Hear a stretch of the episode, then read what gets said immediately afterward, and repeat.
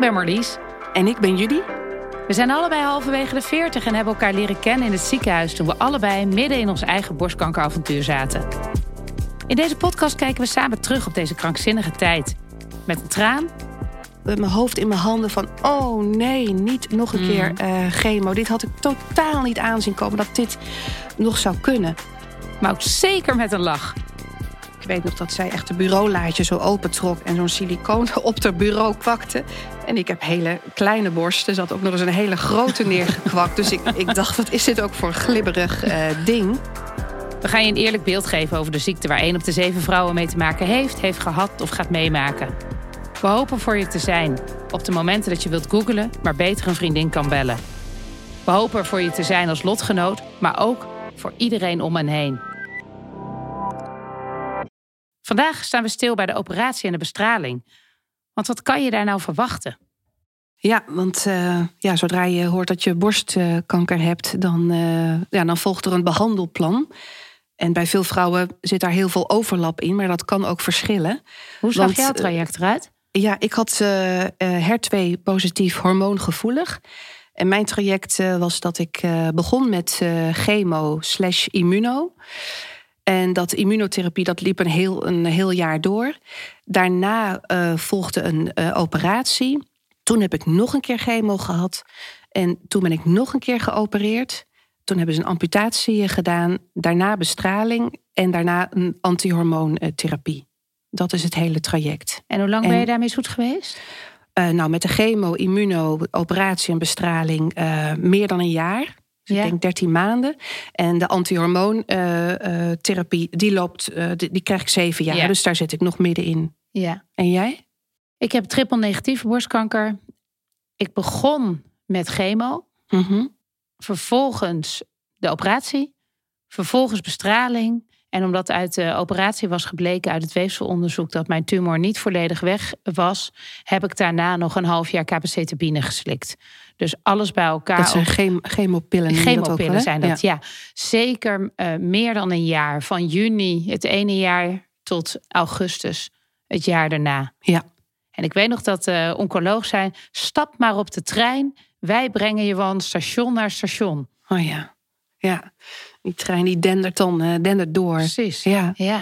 Ja, mijn, uh, ik heb, ben dan twee keer geopereerd. En de eerste operatie, uh, ik, ik kreeg dan diagnose in januari. En ik ben toen ongeveer in juli, dus na een half jaar, borstbesparende operatie. Ik was nog nooit geopereerd. Ik, nee. ik, was blij dat de chemobehandeling, die zat erop. Dus er begon nu iets nieuws, de operatie. Dus ik kreeg weer nieuwe zenuwen. Want ik was nog nooit geopereerd. Ik vond het echt heel spannend. Ja. Narcose, hoe gaat dat dan? Dus ik sprak ook wel wat mensen die, die al eerder geopereerd waren. Gewoon voor andere dingen. Die konden me dan een beetje geruststellen. Maar ik vond dat super spannend. En uh, ja, een borstbesparende operatie, eigenlijk duurt het maar een uur of zo. Hè? Het is ja. niet, uh, nou, het is niet heel lang. Die heb ik gehad. Uh, ik heb dus één operatie gehad, de borstbesparende operatie. Maar ik zag dat eigenlijk als de finish. Oh ja. um, na het hele traject van chemo had ik begrepen van ja, maar als je dan schoon bent, of tenminste zo noemen de artsen het niet, maar als het mm -hmm. weefselonderzoek aantoont dat er niks meer zit, ben je daarna klaar. Alleen nog bestraling. Ja. Dus voor mij was eigenlijk die operatie van yes, was een hele grote mijlpaal. En tegelijkertijd natuurlijk heel spannend, want dan gaat aangetoond worden of die chemo goed zijn werk heeft gedaan. Ja. En voor mij was het inderdaad een dagopname. Ja, dat was wel bijzonder, want wij werden natuurlijk allebei op dezelfde dag geopereerd. 30 november hadden wij allebei onze operatie in het AVL, terwijl we allebei onze uh, chemo hadden in het DIAC in Utrecht. Ja. En het was voor mij een dagbehandeling. Of nou, dus, nee, dat woord kan je nagaan. Dat zit meer top of mind. Het was een dagding. Hoe noem je dat? Weet ik niet. Dagopname. Ja. ja. En Bart bracht mij naar het ziekenhuis. Uh, die mocht er ook even bij blijven. En daarna was het de bedoeling dat hij wegging. En ik kreeg toen een kamer. En daar kreeg ik zo'n ja, zo'n operatiepakje aan. Ja. Uh, uh, mijn eigen kleding moest ik gewoon aan de zijkant leggen. En toen moest ik eigenlijk heel lang wachten wachten totdat ik aan de beurt was. En in die tijd heb ik me helemaal lens geshopt. En ik weet nog dat ik met jou aan het appen was. en dat jij eigenlijk diezelfde ervaring had. En voor mij werd ik toen op een gegeven moment kreeg ik een soort uh, kalmerend middel. En toen werd ik in dat bed door het ziekenhuis naar beneden gereden via de lift. En dan kom je op een soort van ja, wachtstation. Dat was Ja. een kamer. Er konden wel twintig bedden staan of zo. Ja. En dan moest ik eigenlijk heel lang wachten. En dan was het ook heel koud. En toen kwamen die verpleegster met een heel lief, eh, hoe noem je dat? Zo'n eh, verwarmingsdeken. Een elektrische deken of iets elektrisch verwarmingsdeken. deken. Ja, en ik lag daar te wachten. En ze zei, ja, de operatie hiervoor loopt iets uit. Dus nou, oké, wachten, wachten. Ik was ook wel een soort van excited. Van het gaat nu gebeuren. En ik was natuurlijk ook al, had ik allerlei middelen in me gekregen. Die om rustig te worden, ja. En, eh, dus misschien zat ik half onder de drugs. Maar ik werd toen de operatiekamer binnengereden. En ik werd opgehaald door een man. En ik kan me het heel goed herinneren. Maar ik weet totaal niet of het matcht met de werkelijkheid. Maar het was een verpleger die een hele grote ronde roze bril op had. En die lachte en ja, hij verwelkomde zich, mij eigenlijk in de wereld van de operatiekamer. En hij maakte zo'n beweging als Pardoes bij de Efteling. Met zo'n draaiende handbeweging van welkom. Ja. Nou, en ik weet echt totaal niet wat er van waar is, maar zo is het in mijn hoofd. En ik kan alleen maar met een hele grote lach op dat moment van die operatie Ja, je terugkijken. bent natuurlijk ook al een beetje high van die eh, kalmerende middelen. Ja. ja. Hoe was dat bij jou? Hoe ging die operatie in zijn werking? Nou, bij mij zit er echt wel een verschil tussen de eerste operatie, de borstbesparende, en de tweede operatie. De eerste operatie, daar was ik dus heel gespannen voor, want ik was nog nooit geopereerd. En ik was dan aan de ene kant blij dat de chemobehandeling erop zat. Maar op een gegeven moment hoorde ik dan ook alweer... Nou, dan ben je geopereerd en dan komt er weefselonderzoek. Hè? Dat is gewoon een heel belangrijk moment. Want dan gaan ze echt heel nauwkeurig bekijken... Ja. van is er, De nog, waarheid. is er nog iets te vinden. Ja. Bij mij op de scan hadden ze ook wel gezien dat, het nog, dat er nog wel wat zat. Maar dan weten ze nog niet precies wat. Wat. Hè, de chirurg zei ook, dat kunnen ook opruimresten zijn. Dus er kwam tegelijkertijd ook een soort nieuwe spanning weer bij. Je zit nog volop in die, die trein die doordendert. Van, ja, er komt straks weer een uitslag. En bij mij was die uitslag dat ze, dat ze vertelden van... nou, we hebben nog iets gevonden. Ze hadden een andere soort cel nog gevonden. Ja. Dus de cel die ze in eerste instantie eh, op het oog... type. Een ander type. oh. Dus de cellen die ze eerst, eh, die bij de diagnose eh, aan, aan het, onder het licht, aan het licht kwamen, die hadden zich keurig opgeruimd. Maar er zaten nog een paar andere soortige cellen. Dus hij zei van ja. Je moet toch nog die AC-kuur, die, die, wil- weer die had ik nog in? niet gehad, die moet je nog doen. En ik wil toch een, eh, een amputatie of een ablatio, hoe ze dat in vaktermen noemen. Dus ehm, aan de ene kant, mijn partner vroeg dan meteen, ook meteen, en de, en de eh, prognose dan, nou, daar was dan, dat zou niets veranderen, dat was nog steeds goed. Dus het was eigenlijk van, nou, oké, het- we hebben heel veel vertrouwen nog steeds, maar kak, ja, je moet toch nog een keer chemo en de amputatie. Ik vind het achteraf nog steeds wonderlijk, want ik heb natuurlijk meteen gehuild, eh, mijn hoofd in mijn handen van, oh nee, niet nog een Mm. keer eh, chemo. Dit had ik totaal niet aanzien komen dat dit nog zou kunnen. Dus het was huilen en balen. Maar de veerkracht van, van mensen überhaupt is gewoon enorm. Hoe ik dan na die dag toch weer mezelf helemaal op- bij Ja, elkaar je moet. raapte. Je, hebt moet geen keus. van, ik ga die, die acht weken nog doorheen en eh, daarna die operatie. Ja. Voor mij was eh, toen de operatie, ik heb dus borstbesparend gehad. En het herstellen, zeg maar, de pijn die ik erna had, was van die verwijdering van die okselklier. Ja. Was eigenlijk pijnlijker dan de snee in mijn borst zelf. En ik heb nadat mijn operatie is geweest, heb ik heel erg ontstekingen gehad in Mhm. mijn, eh, de, de eerste twee weken daarna. Toen ben ik zelfs tot drie keer terug geweest in het ziekenhuis, omdat het, ik koorts had en dat er echt een hele grote ontsteking in de wond Was zat. het dan rood of zo? Of hoe zag dat eruit? Nou, mijn borst was paars. oh ja. Was echt, en dat is allemaal weggetrokken. Het, het, het ziet er nu echt heel mooi uit. Maar in dat moment dacht ik, oh, ik was toch klaar. ja. Nee, weer naar het ziekenhuis. En, Ja. en tegelijkertijd kon ik ook wel denken... oh, ik lig nu in het ziekenhuis voor iets anders... want ze zijn de ontsteking aan het Ja. eh, helpen weg Ja. te gaan. Maar wel weer er naartoe. Mhm, mhm. Maar toen die ontsteking eenmaal voorbij was... toen ging het genezen eigenlijk wel snel. En eigenlijk als ik het nu terugvertel... kan ik het eigenlijk bijna nog steeds niet geloven. Maar ik had op 30 november de operatie... Ja. En met oud en nieuw zijn Ja. wij gaan skiën. Ja. Waren we in Italië. En ik had toen nog, ja, natuurlijk helemaal mijn kale hoofd, nog geen wimper, wimpers, nog geen wenkbrauwen. Maar ik had mijn haarstuk op. Ik had daaroverheen mijn skihelm. Het was ook nog corona, dus er zat ook nog een mondkap voor. Ja, ja. Maar met dat alles stond ik een maand na de operatie op de skis in de Dolomieten. Ja. Dat is echt de mooiste vakantie die ik ooit gehad heb. Ik- had het er met Bart gisteren ook over. Wauw, daar- Ja. dat was de eerste taste of er is hierna weer een leven. Ja. Ik, mensen die mij kennen weten dat ik skiën het allerleukste vind wat er is. Wauw, en dat ging gewoon hele dagen skiën. Ja, voor mij, eh, toen werd ik na een aantal maanden ook op 30 november. Dat was de dag dat wij eh, dus allebei dezelfde operatie eh, hadden. Ja. Toen was dus mijn amputatie.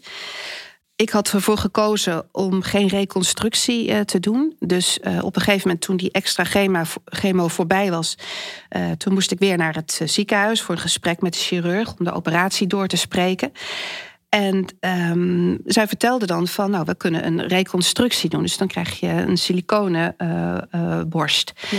En ik riep toen eigenlijk meteen van, nee, dat wil ik niet. Ik wil gewoon plat. Ik had dat eigenlijk vrij snel van, ik, ik wil geen dingen meer, eh, geen siliconen, geen gepruts meer aan mijn lijf. Ik wilde mijn borst gewoon heel veel rust geven en het plat. Ik had ook gesproken met een eh, andere lotgenoot die, eh, voor dezelfde, die dezelfde keuze had gemaakt. En ehm, ik was daar heel stellig in. Maar de chirurg had toch wel van: ho, ho, wacht even.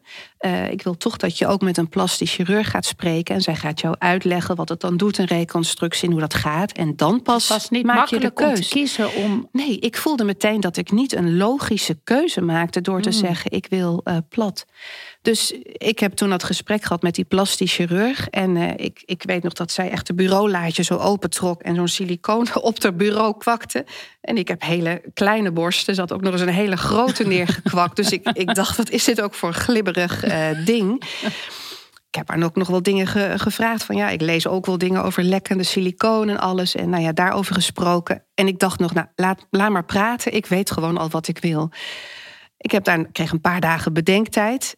En ik heb die keuze ook echt helemaal zelf gemaakt. Maar ik weet nog dat ik best wel zenuwachtig was om die chirurg op te bellen. Want ik moest haar dan vertellen wat mijn keuze zou worden. Ik wilde haar bijna niet teleurstellen. Dat ik zei van, nou, ik heb heel goed nagedacht. Maar ik wil echt plat. Ja, En ik wil jou vragen om het zo mooi mogelijk en zo plat mogelijk te doen. En toen zei ze: Ik heb je gehoord en ik ga dat doen.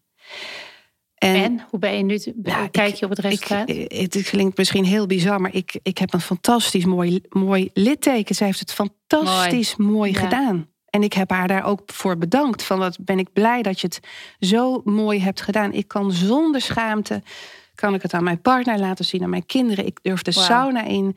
Ik ben, ik ben heel blij eh, met mijn keuze. En de operatie was ook in anderhalf uur was dat gedaan. Ja. En eh, ze zeggen ook, hè, daarna, eigenlijk mag je meteen alles weer doen, zolang het maar geen pijn doet. Ja. En het voelt eerst nog allemaal wel wat strak. En Ja. je kunt je arm nog niet helemaal omhoog bewegen. Maar met wat geduld en wat fysio en gaandeweg wordt dat allemaal veel, soepel, veel hè? soepeler. En ik, ik prijs mezelf ook heel erg gelukkig dat ik geen ontstekingen of wat dan ook gehad heb. Dus ik ben daar heel goed eh, doorheen gekomen. Ik had echt goed afscheid genomen van mijn borst. Heel liefdevol. Ik had iets opgeschreven. Ik hoor dat ook van meerdere lotgenoten. Dat er een soort ode komt aan je borst Ja. die, die weggaat. Hè. De, dank voor de intimiteit, de liefde. Het, het voeden van, van mijn kinderen. Dat je dit allemaal hebt doorstaan. Ja. Maar nu ga ik gewoon afscheid van je, van je, Ja, eh, raakt, van je hè? nemen. Daarna die bestraling. Hè. Je krijgt even wat rusttijd om bij Nog te komen. ding trouwens, na de operatie. Wachten op de uitslag duurde bij mij negen dagen. Ja, Van de euforie van hè, eindelijk hij is eruit. ja. Naar de spanning. Wat zou de boodschap zijn? Ze hadden Ja. bij mij al wel op de scan gezien dat waarschijnlijk niet alles weg zou zijn. ja. Dan was nog de vraag: zijn mijn klieren schoon? Mhm, Dat mhm. vonden wij echt een hele spannende lange tijd. Ja. Ja. Ja. daar denk je van tevoren ook niet zo over na. Want ook bij mij, ook na die amputatie, kwam er ook nog weefselonderzoek. En ik had haar van tevoren, ik had al bijna weer mijn les geleerd van daar keer daarvoor. Dus ik vroeg haar van wat kan ik verwachten? Wat kan er uit Oh dat onderzoek dat is ook komen? een goede vraag. Ja, dus toen zei ze, nou ja, of alles is weg, dat is fijn, of we vinden nog wat. Maar goed, je hebt ook nog Ja. de antihormoonpillen. pillen. Nou, Bij het is mij, wel ja. duidelijk dat eh, dit traject, zowel de chemo als de operatie, een heel groot ding is geweest. Maar dan komt de bestraling. Ja, En er zijn maar een paar bunkers in Nederland waar bestraald mag worden. Hè? Volgens mij vier of vijf plekken. Mhm. Eh, jij bent in het AVL geweest. Ik Ja. ben eh, in het UMC in Utrecht geweest. Maar eigenlijk, als ik erop terugkijk, ik vond die chemo heel taai. Maar ik heb tijdens mijn bestralingsperiode geroepen... al moet ik voor de rest van mijn leven elke dag bestraald worden... liever Mm. dat dan chemo. Mhm. Ja. Hoe heb jij die tijd ervaren? Ja, die is mij ook reuze meegevallen. Ik moest dan drie weken, drie keer, het gaat op de werkdagen. En ja, ook ik ging er alleen naartoe. Ik ging vanuit Utrecht naar Amsterdam met de trein en de metro en dan een stukje lopen. Elke dag. Elke, elke werkdag. En dat is allemaal heel, eh, heel goed gegaan. En ehm, Wat ik destijds riep van... eh, nou, al moet ik de rest van mijn leven elke dag bestraald worden... eh, alles beter dan zo'n lang traject chemo. Maar achteraf, op, op dat moment heb ik me nooit zo bezig gehouden... wat de restschade van bestraling zou kunnen zijn. nee. Ik heb vier weken, dus twintig bestralingen gehad. Nou, en het begint eigenlijk als volgt. Ik kwam daar, er werd eerst een scan gemaakt, een CT-scan. En dan worden de tatoeagepuntjes op Ja. je lijf gezet. Ja, Eh, dus ik heb, wat is het, zes of negen, negen volgens mij, tatoeagepuntjes. ja. En dat zijn eigenlijk de coördinaten waarop dat apparaat elke keer wordt ingesteld. En ik snap tot op de dag van vandaag niet waarom dat niet met edding kan of met een ander type stift. Maar het zijn echt tatoeagepuntjes. ja. Die zitten er en die zitten er nog steeds. Ik heb er Mhm. eentje een beetje weg laten halen in mijn decolleté. Maar dat was meer toevallig omdat ik een moedervlek moest laten weghalen.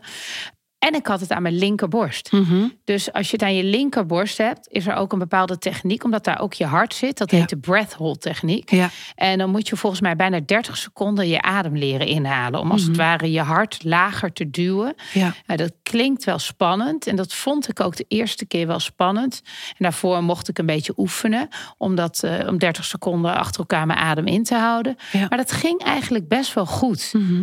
En ze zeiden dan van, mocht je per ongeluk denken dat je het niet redt, dan moet je heel hard ho roepen. ja. Ja. Ja. En, maar ik, ja, wat voor mij die, die bestraling. Je komt het ziekenhuis binnen. Er zijn kamertjes, er zijn heel veel kleedkamertjes op een rij. ja. En dan mag je je omkleden. En Mijn bovenlijf moest ik eh, ontbloot doen. Ja. ja, bij mij was dat dan ook mijn haarstukken af, mijn sieraden af. Ja, en dan moest je naar die tafel lopen, waar Ja. ik dan op moest gaan liggen. Wat overigens een keiharde tafel was. ja. Dacht ik, hoezo, als hier zoveel mensen elke dag op liggen, waarom is die niet wat zachter? Maar dat, voor mij is het heel erg bijgebleven, het wandelingetje van het kleedkamertje naar de bestralingstafel. Het was best een stukje, het was een meter of twintig. Het was koud, het was hartje winter. En daar zaten die lieve verpleegkundigen die elke dag vriendelijk en lief waren en Ja. gezellig. Maar elke dag zagen ze mij met mijn kale hoofd en mijn eh, blote bovenlijf daar naartoe lopen. En ik vond dat elke keer een rillerig tochtje. Mhm. Ehm, en voelde ik me heel erg, ja, Oh, ja. eh, ja, als ik daar terugkijk, vond ik, ja, Ja. maar ook wel een soort verdriet bij mezelf. Ja, ja.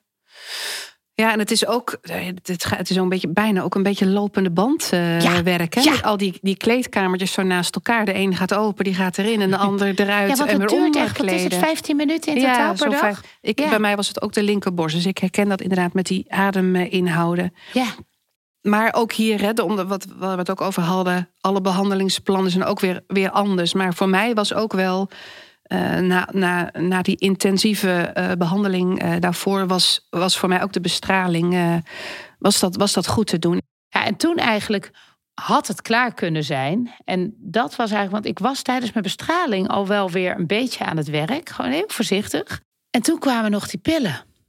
Nou, en daar krijg ik bijna ademnood na aan als ik daar aan Die terugdenk. chemopillen die je dan nog moest. Ja, want ik was eh, rond februari klaar. En dan mocht ik nog even een paar weken aansterken.